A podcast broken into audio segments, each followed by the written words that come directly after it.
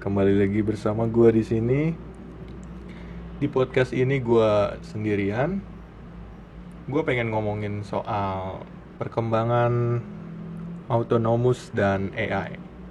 Jadi karena adanya pandemi ini, gue ngelihat banyak terjadinya PHK, baik itu karena perusahaannya bangkrut maupun uh, ada yang beralasan bahwa income perusahaannya berkurang, jadi mereka ingin melakukan efisiensi. Jadi dengan adanya banyak PHK ini, gue jadi sadar bahwa ada beberapa pekerjaan yang untuk saat ini tidak benar-benar dibutuhkan. Maksudnya tidak dibutuhkan di sini uh, beberapa pekerjaan yang ada di dunia saat ini mungkin ke depannya akan digantikan oleh uh, teknologi entah itu robot atau AI. Selain itu karena pandemi ini mendorong juga orang-orang untuk menggunakan teknologi lebih jauh lagi. Contoh yang tadinya nggak biasa menggunakan uh, online meeting, sekarang mau tidak mau mereka menggunakan online meeting yang tadinya suka belanja offline sekarang uh, dipaksa untuk uh, belanja online dan lain sebagainya. Jadi uh, benar-benar mendorong manusia sekarang untuk uh, mengembangkan teknologi dan menggunakannya lebih jauh lagi. Lagi pula saat ini uh, di dunia sudah menjalankan industri 4.0 yang mana di sana ada automation, IoT, machine learning atau AI. Di mana uh, walaupun belum benar-benar merata di seluruh dunia, tapi di negara-negara maju udah uh, udah berlaku untuk industri 4.0 ini sudah berjalan. Bahkan ada terdengar juga bahwa akan ada industri 5.0 yang di mana uh, industri ini ditambah lagi adanya blockchain kemudian mix reality dan uh, robot-robot exoskeleton. Tapi uh, eh, gue pengen ngomongin soal industri 4.0 ini. Karena uh, saat ini pun di Indonesia menurut gue belum benar-benar diaplikasikan tapi bakal ke sana dalam waktu dekat. Di industri 4.0 ini kan ada yang namanya machine learning atau AI. Kalau dilihat perkembangan AI di dunia saat ini, kalau dibandingkan 10 tahun yang lalu, jauh banget perbedaannya. Kalau sebagai contoh, AI ini sudah ada di sekitar kita. Bahkan bagi lo yang dengerin ini, kemungkinan lo setiap hari ditemani oleh AI bagi yang nggak tahu AI ini artificial intelligence atau kalau di Indonesia kan kecerdasan buatan. Contoh yang paling dekat itu uh, smartphone kalian. Jadi di smartphone itu ada Google Maps. Google Maps ini kalau misalnya kalian perhatiin uh, mereka menggunakan AI ini untuk menunjukkan rute tujuan uh, kalian. Jadi ketika kalian menggunakan Gmaps dan memasukkan destination point, lalu si Google Maps ini akan memberikan rute yang terbaik. Di dalam rute yang diberi oleh Google Maps ini terdapat uh, apa ya banyak proses untuk menentukan jalur terbaik baik itu uh, waktu mungkin atau ada perbaikan jalan atau mungkin pada saat pada saat kalian akan melewati jalan itu ada de demonstrasi mungkin ada kemacetan ada banjir ada bencana alam dan lain sebagainya. Jadi semua proses tersebut benar-benar dijalankan oleh AI yang mana uh, proses tersebut sangatlah cepat. Contoh lain uh, mungkin di semua smartphone saat ini ada yang namanya asisten. Kalau di uh, Android ada yang namanya Google Assistant. Kalau di iPhone atau produk-produk Apple lainnya ada yang namanya Siri. Ini merupakan salah satu AI yang dapat membantu kalian untuk melakukan kegiatan yang bisa dibilang ringan lah. Contoh, kalian bisa uh, menambahkan alarm, pengingat, uh, ataupun memutar musik segala macam lewat si AI ini. Walaupun kelihatannya sepele, tapi proses di belakangnya itu sangatlah rumit, di mana si HP ini bisa memahami apa yang kalian bicarakan. Semua fitur-fitur yang tadi itu bisa kalian dapatkan secara gratis. Tapi perlu kalian ketahui bahwa ada satu kalimat kayak gini nih. If you are not paying the for the product, you are the product. Jadi maksudnya kalau kalian tidak membayar untuk menggunakan sebuah produk, kalianlah produk itu. Contoh paling dekat itu sosial media. Jadi kalian menggunakan sosial media itu secara gratis kan. Tapi uh, di sela-sela kalian menggunakan sosial media itu kalian akan disisipi oleh ads oleh iklan-iklan yang di mana kalau dari sisi si pemilik aplikasi penggunalah yang sebagai produk dari iklan tersebut. Maksudnya ketika misalnya saya sebagai uh, orang yang ingin mengiklan di Instagram si Instagram akan memberikan uh, gambaran bahwa ketika saya mengeluarkan uang sejumlah 100 ribu misalnya, iklan saya akan dilihat sebanyak uh, berapa kali, misalnya seperti itu. Yang melihat ini kan orang-orang yang menggunakan sosial media. Jadi orang-orang yang menggunakan sosial media itulah uh, produk dari si sosial media itu sendiri uh, ngomongin soal AI itu gue pengen jelasin sedikit perbedaan AI sama algoritma biasa.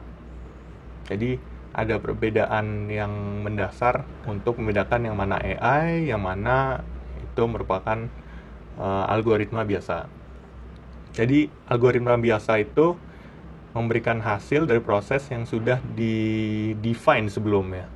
Contohnya yaitu ketika kalian menggunakan smartphone kalian di uh, luar ruangan di outdoor layar HP kalian akan lebih terang.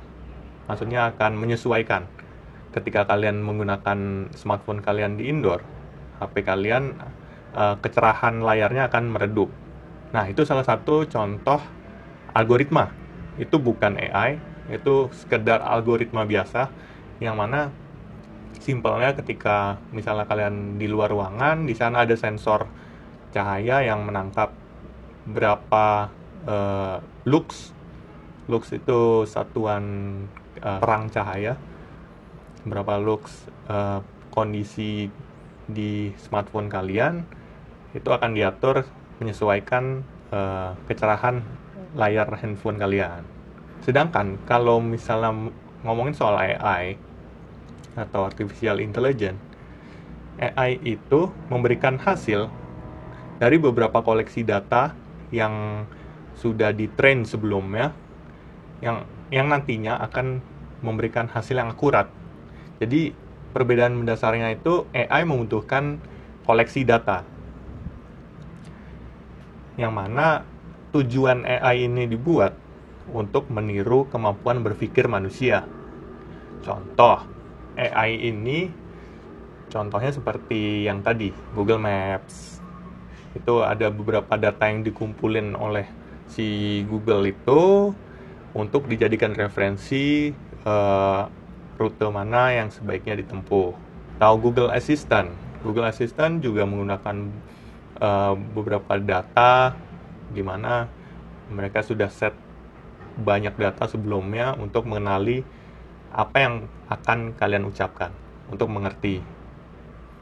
Ngomongin soal AI zaman sekarang, itu benar-benar sudah advance sekali.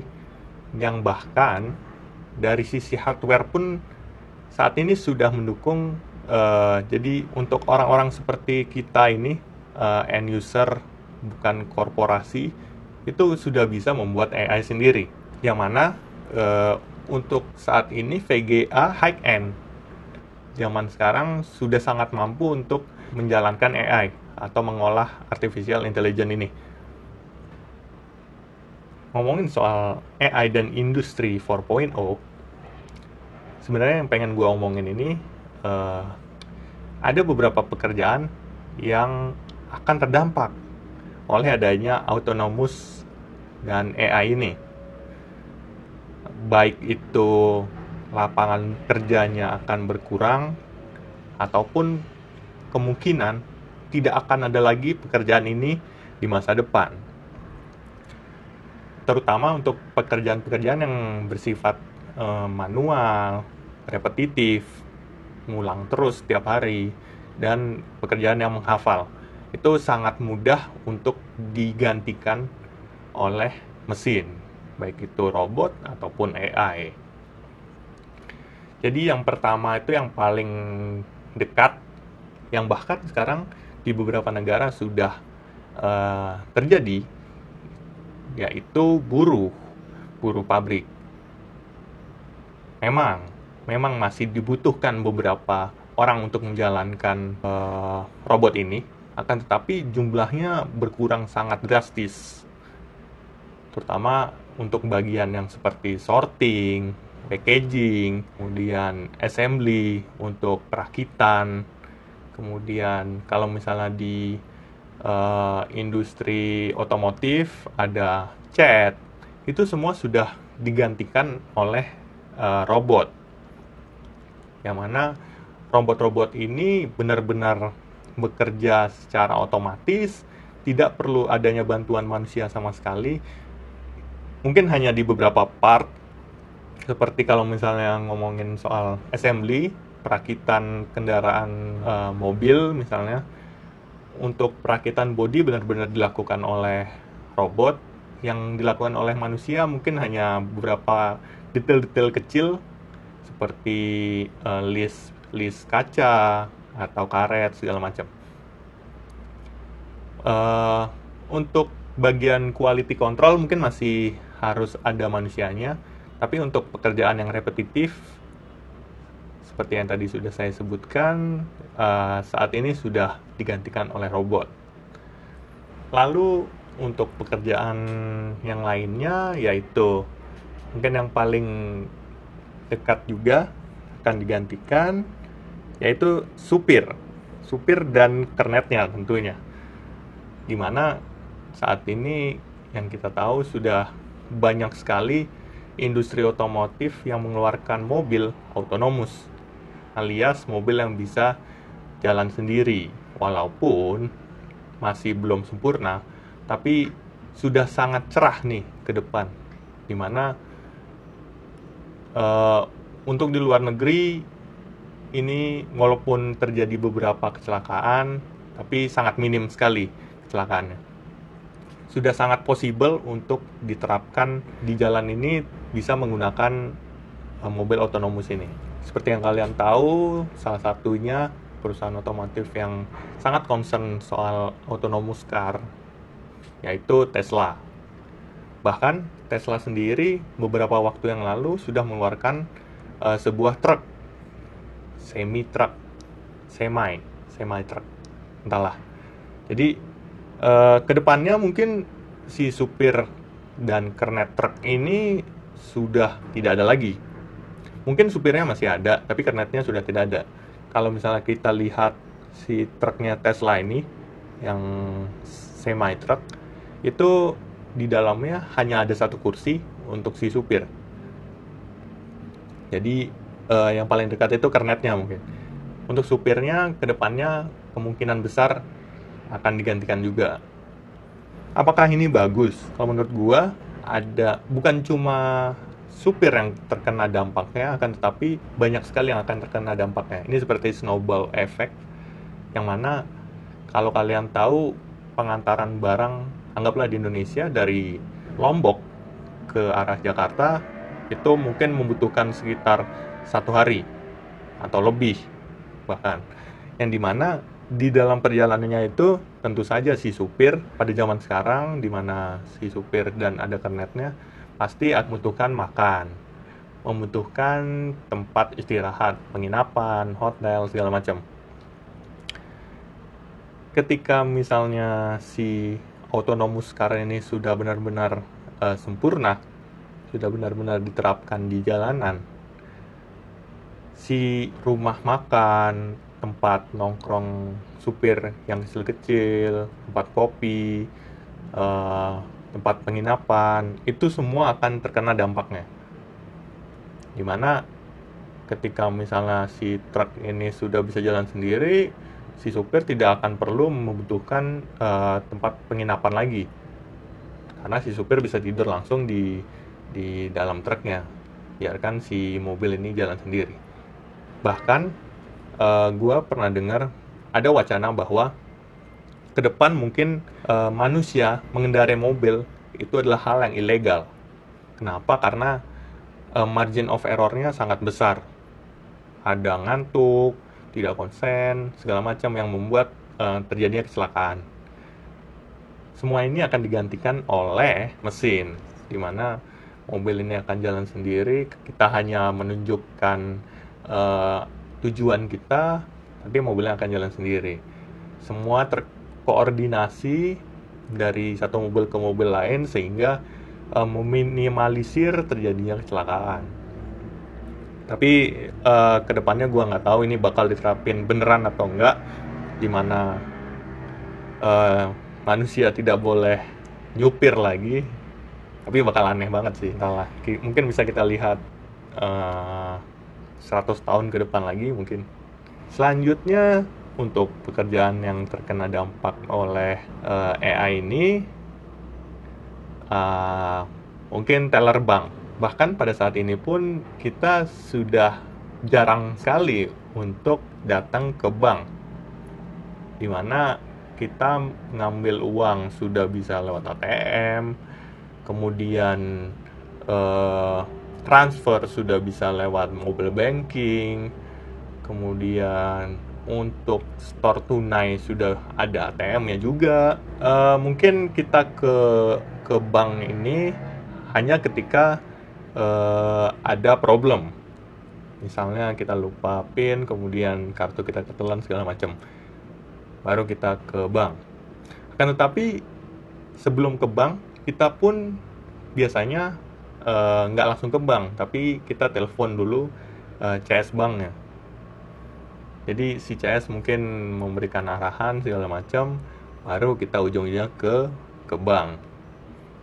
Yang di mana uh, teller bank ini kemungkinan besar akan bisa digantikan oleh robot.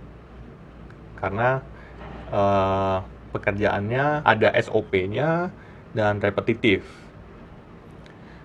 Mungkin hanya membutuhkan satu dua orang di setiap cabang bank, jadi uh, sisanya benar-benar digantikan oleh robot. Ngomongin yang tadi soal customer service, customer service merupakan salah satu pekerjaan yang akan terkena dampaknya juga. Jadi eh, kalau kalian perhatiin, kebanyakan misalnya kalian punya problem soal eh, internet kalian. Jadi kalian telepon customer service provider internet kalian, jawabannya biasanya eh, ada patternnya. Misalnya, ketika internet kalian tidak bisa connect, biasanya jawabannya itu uh, sudah di restart modemnya belum? Atau kalau misalnya uh, sudah di restart tetap nggak bisa, sudah di setting bla bla bla A B C segala macam. Kalau misalnya tetap nggak bisa, ujung-ujungnya kita disuruh nunggu untuk uh, teknisinya datang. Itu benar-benar ada patternnya, ada SOP-nya, yang mana uh, kegiatan tersebut harusnya bisa digantikan oleh AI. Sangat bisa bahkan. Bahkan sekarang pun kalau kalian perhatiin di beberapa uh, web, terutama web yang sudah advance, Seperti misalnya Tokopedia. Tokopedia sudah menggunakan AI untuk melayani keluhan si customer. Jadi uh, walaupun ada CS aslinya, tapi sebelum kalian bisa berhubungan dengan CS, kalian akan dihandle oleh AI terlebih dahulu. Ketika uh, problemnya belum selesai, baru si CS yang beneran akan uh, menghandle problem tersebut. Jadi uh, sangat mungkin untuk pekerjaan customer service ini digantikan oleh robot atau AI. Lalu untuk pekerjaan lainnya yang akan terdampak, hmm, kalau menurut gua uh, peternak. Iya, mungkin beberapa dari kalian nggak expect kalau peternak akan terdampak dari kemajuan teknologi yang ada di, di dunia saat ini. Jadi saat ini sudah ada yang namanya fake meat atau uh, daging daging sapi palsu. Bukan palsu sih, uh, buatan. Jadi daging sapinya terbuat dari eh, nggak uh, tau lah terbuat dari apa. Yang pasti makanan tersebut sangat menyerupai daging asli.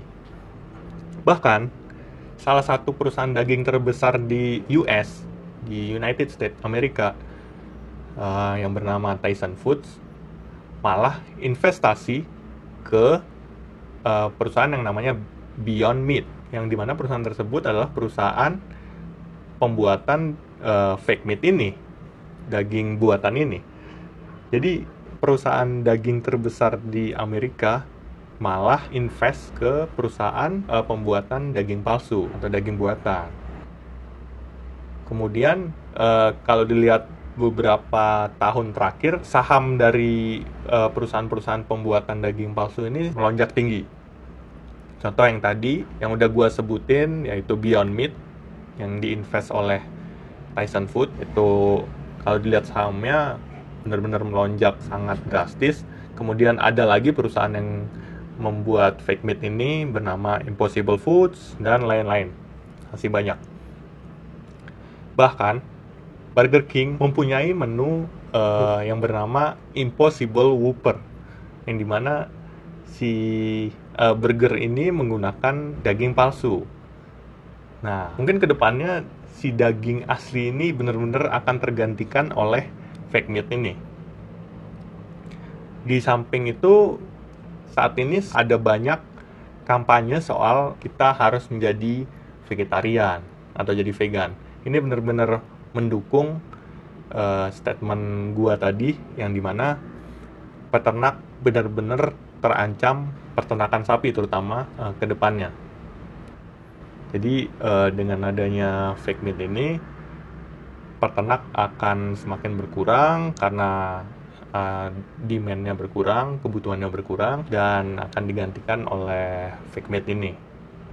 Sekali lagi ini hanya opini gua aja tapi uh, eh, gue baca berita di CNN di mana menurut mereka di tahun 2040 orang yang mengkonsumsi fake meat ini akan lebih banyak dibandingkan orang yang mengkonsumsi daging asli. Tapi uh, apakah ini sebuah hal yang buruk? Menurut gue sih ini justru bisa menyelamatkan kehidupan manusia. Kenapa? karena di World Economic Forum sempat disinggung bahwa pada tahun 2050 jumlah makanan yang kita produksi saat ini hanya akan dapat memenuhi kebutuhan dari setengah populasi dari manusia. Jadi uh, dengan bertambahnya populasi manusia di tahun-tahun mendatang, akan tetapi uh, jumlah produsen pangan di dunia pertumbuhannya tidak secepat pertumbuhan populasi manusia jadinya defisit. Di samping itu ada penelitian yang dilakukan di University of Michigan bahwa fake meat ini memiliki keuntungan di sisi produksinya, di mana pembuatan fake meat ini uh, membutuhkan 93% lebih sedikit penggunaan lahan. Jadi dengan uh, memproduksi fake meat ini kalian bisa menghemat lahan sebanyak 93% dibanding kalian uh, berternak sapi. Lalu fake meat ini juga membutuhkan 99% lebih sedikit penggunaan air bersih. Yang seperti kalian tahu ketika kalian berternak sapi, kalian pasti membutuhkan uh, air yang banyak. Kemudian uh, di penelitian tersebut juga disebutkan bahwa uh, memproduksi fake meat ini membutuhkan 43% lebih sedikit energi. Lalu juga 90% lebih sedikit emisi gas karbon. Jadi dengan mensubstitusi si daging asli menggunakan daging buatan ini benar-benar menghemat banyak sekali poin-poin yang tadi di samping itu juga uh, tidak mengesampingkan sensasi memakan daging itu tersendiri. Di mana uh, menurut orang-orang yang sudah nyobain daging ini katanya uh, rasanya itu susah banget untuk dibedain. Jadi mereka benar-benar membuat uh, si fake meat ini dengan rasa yang benar-benar mirip daging asli tanpa mengesampingkan nutrisinya itu. Begitu menurut klaim mereka. Tapi uh, kita lihat aja ke depannya apakah benar si fake meat ini akan menggantikan daging sapi asli ya kita lihat ke depannya tapi dari beberapa pekerjaan yang gua sebutkan tadi yang bakal terkena dampaknya di kemudian hari dengan adanya kemajuan teknologi ada juga pekerjaan yang bisa dibilang hingga 100 tahun ke depan mungkin masih aman. Contoh pekerjaan yang untuk 100 tahun ke depan mungkin masih aman, menurut gue itu pekerjaan yang ada di industri kreatif. Pekerjaan yang ada di industri kreatif ini mayoritas harusnya aman. Contoh, uh, pembuatan film, ada aktor, aktris, segala macam, itu masih belum bisa digantikan oleh uh, robot. Lalu uh, ada musik, pembuatan musik. Mungkin robot bisa membuat musik, tapi uh, untuk 100 tahun ke depan belum belum bisa meniru feel dari manusia itu sendiri. Lalu ada seni-seni yang lain seperti seni lukis, uh, kemudian ada yang sesuatu yang berhubungan dengan budaya, tari, segala macam itu masih belum bisa digantikan oleh robot. Lalu uh, fashion, fashion manusia juga belum bisa digantikan oleh robot. Kemudian kerajinan. Intinya eh, industri-industri yang membutuhkan apa ya? feel atau atau imajinasi itu masih belum bisa digantikan oleh uh, eh, AI oleh robot dan harusnya uh, sampai saat ini pekerjaan-pekerjaan tersebut harusnya masih aman. Lalu ada pekerjaan lainnya yang harusnya aman yaitu tentunya sales dan marketing. Yang di mana kalau nggak ada pekerjaan sales dan marketing, kode dan AI ini tidak ada yang menjualkan. Jadi kalau nggak ada yang jual berarti nggak ada yang beli berarti nggak ada robot dan AI ini intinya si sales marketing ini uh, harusnya masih aman karena mereka bisa membantu memasarkan robot-robot dan AI ini. Walaupun sales dan marketing pun nantinya akan dibantu oleh AI tapi tetap saja perlu harus ada di sana. Lalu ada pekerjaan yang ke depannya masih aman, tentunya saintis, orang-orang peneliti segala macam untuk mengembangkan lagi itu harusnya masih aman. Lalu ada uh, si pembuat robot dan AI ini ada mekanik dan uh, programmer harusnya masih aman. Tapi untuk programmer sendiri uh, sebenarnya bisa digantikan oleh AI karena apa yang dilakukan programmer ini ada patternnya juga. Tapi entahlah. Mungkin itu kejadian masih lumayan jauh. Tapi uh, harusnya 50 tahun ke depan at least pekerjaan pekerjaan tersebut masih aman. Ya mungkin segitu aja gue pengen ngomong. Sebenarnya masih banyak lagi pekerjaan-pekerjaan yang terdampak dan pekerjaan-pekerjaan yang harusnya aman di mungkin 50 tahun atau 100 tahun ke depan tapi ya gue hanya bisa ngobrol sampai sini aja. Sebenarnya teknologi ini memang harus dikembangkan karena teknologi ini bisa mempermudah hidup manusia. Tapi di sisi lain ada ironi yang bahwa bukan bukannya mempermudah hidup manusia, tapi malah merugikan hidup manusia yang mana bisa menghilangkan jutaan lapangan yang tentunya si robot dan bisa dibilang sangat tidak mempermudah manusia. Mungkin memper, mempermudah uh, selintir manusia, tapi tidak mempermudah keseluruhan manusia sendiri. Jadi uh, mungkin yang akan bertahan ke depan adalah manusia yang dapat beradaptasi.